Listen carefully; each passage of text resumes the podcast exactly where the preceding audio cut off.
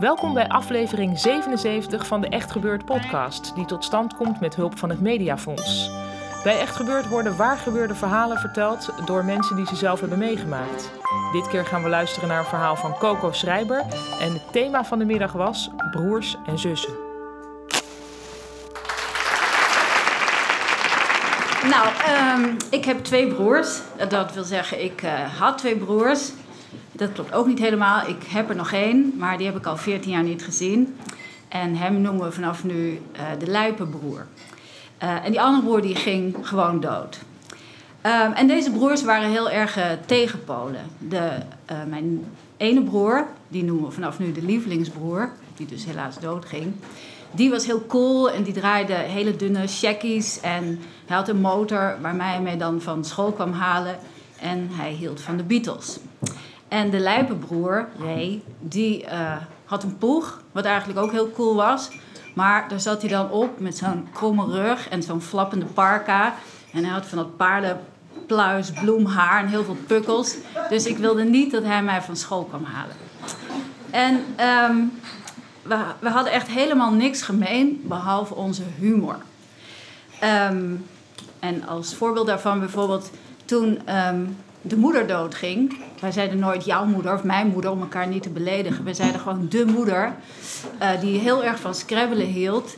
Uh, belde mijn ene broer op en zei: uh, De moeder gaat dood aan alvleesklierkanker. En toen was het even stil en toen zei hij: drie dubbele woordwaarden. nou, dus de scrabbeldoos kon worden weggegooid. En um, omdat mijn vader ook al dood was, uh, moesten wij met z'n drie de nalatenschap verdelen. En uh, Ray, de luikenbroer, die wilde alles waar een stekker aan zat, want hij was een beetje nerdy. En ik wou graag het schilderij dat altijd boven de bank hing. En Lex wilde niks, want hij wist misschien toen al dat hij dood wilde. Dat weet ik niet. Um, nou, op een dag, mijn broer Lex, mijn lievelingsbroer, was duikinstructeur. En hij uh, ging naar de Rode Zee en hij vouwde zijn kleren heel netjes op. En legde daarbovenop zijn pakje drum met daarnaast het duikmes. En verdween in de zee zonder ooit weer boven te komen. Um, toen moest ik uh, alles regelen, want mijn blijpenboer Ray was van verdriet helemaal doorgeflipt. Uh, en er was ook geen lichaam. Dus ik moest een doodverklaring regelen. Anders kun je dus niet bijvoorbeeld de ING bellen en zeggen van stop maar met die bankrekening. En ze zeggen ook niet meer gecondoleerd, want dan zet ze je alweer in een ander menu. Dus je moet echt een, een rechtsvermoeden van overlijden regelen. Um, dus ik zocht een advocaat. En de eerste advocaat die ik had, uh, raakte overspannen en ging scheiden. En verdween met de Noorderzon met alle ordners van mijn broer toen um, zocht ik van alle uh, advocaten uit de gele gids um, een andere, Paul Smits. Een hele gewone naam, maar zijn cliëntele was niet zo gewoon. Um, de bekendste ervan was de dominee, beter bekend als de drugsbaron Klaas Bruinsma. En deze man stuurde mij uh, facturen van 6000 euro voor dingen die hij niet deed. En toen moest ik een derde advocaat zoeken om deze Paul Smits, onthoud die naam, uh, ja, tot bedaren te brengen. Nou, dat is het voordeel van als je filmmaker bent. Uh, mijn vriend is ook filmmaker en die had net een film gemaakt over Paul Bovens. En dat was een bekende strafpleiter in de, in de rijtje van Moskovits en Spong. En die schreef gratis en voor niks, heel lief, één rake brief naar de orde van advocaten. En Paul Smits werd geroyeerd. Um, nou, oké. Maar toen waren we vier jaar verder en ik had nog steeds die doodverklaring niet. Um, en toen. En toen. Oh ja. En toen. Uh, shit. uh, ik weet het niet meer. Um, wat gebeurde er toen?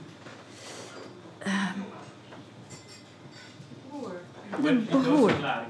Ik, nee, ik kreeg die doodverklaring niet. En toen uh, had ik hem bijna, want oh ja, want de wet veranderde. Toen had ik hem bijna. En toen schreef mijn vervelende broer, de lijpbroer Ray, die weer uit zijn crisis was, of eigenlijk misschien toch weer niet, die schreef een brief naar de rechtbank dat ik mijn broer had vermoord. Dus toen moest ik naar de rechtbank in Flevostad, want als er iets naars gebeurt, dan uh, vindt zich dat ook altijd op hele vervelende, nare plekken plaats. Niet gezellig in Amsterdam, dus ik moest naar de kale polder Flevostad en aan de rechters uitleggen uh, hoe ik niet mijn broer uh, in Egypte vermoord kon hebben terwijl ik thuis zat te monteren aan de film First Kill. Dus ja. Ehm, en ik moest ook nog uitleggen waarom er geen lichaam was. Dus ik vertelde aan die rechters dat als je zuurstofflessen leeg zijn, dat je dan echt wel naar de bodem zakt. Dus die rechters die de MAVO cum hebben uh, gehaald, die begrepen dat ook wel en gaven mij een tikje schaamtevol dat briefje waarop stond mijn broer is dood. Maar dat wist ik dus al vijf jaar. Um, en omdat ik ineens zo genoeg had van die familie, van die vervelende broers en de dode broers en de dode ouders, lag ik op de bank onder dat schilderij wat ik had geërfd. En um, ik had natuurlijk torenhoog schulden van die advocaten. En dat schilderij, dat was een winterlandschap met um, schaatsende kinderen. Heel veel schaatspret. En ineens stuitte die lol mij zo tegen de borst dat ik dacht, weg met dat schilderij. Dus ik belde Christies. En er kwam een hele aardige mevrouw. Die kwam um, naar het schilderij kijken. En ze gleed zo met haar hand over dat winterlandschap. En ze keek me aan en ze zei: Dit is een echte Andries Vermeulen uit 1763. En hij is 60.000 euro waard. Maar in één adem zei ze: Wat zijn al deze schilfertjes hier in het midden?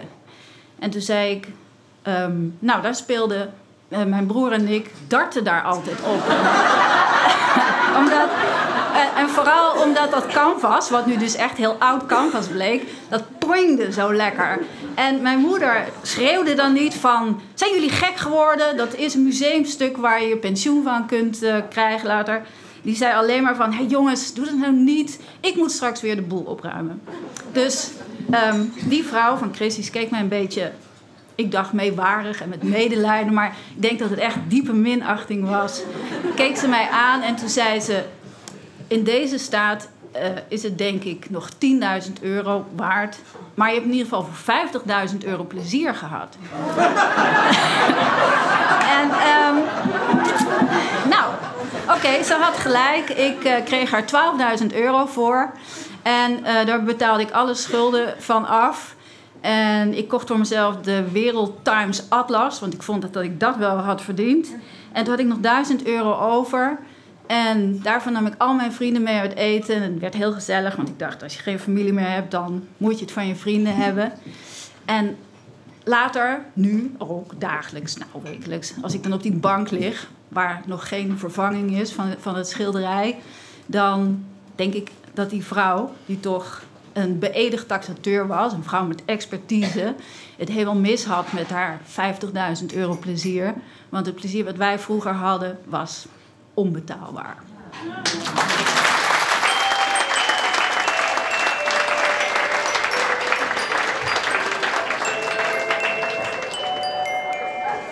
Dat was het verhaal van Coco Schrijber.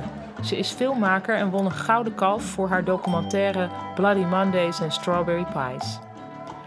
Echt gebeurd wordt iedere derde zondag van de maand opgenomen in Toemler onder het Hilton Hotel in Amsterdam. Heb je nou zelf een bijzonder verhaal te vertellen of wil je er gewoon een keertje bij zijn als er waar gebeurde verhalen worden verteld? Ga dan naar echtgebeurd.net, want daar staat alles op. Daar kun je ook abonneren op onze nieuwsbrief. En daarnaast kun je ons liken op Facebook en volgen op Twitter en waarderen op iTunes en beluisteren via de leuke website woord.nl, waar nog veel meer mooie audio te vinden is.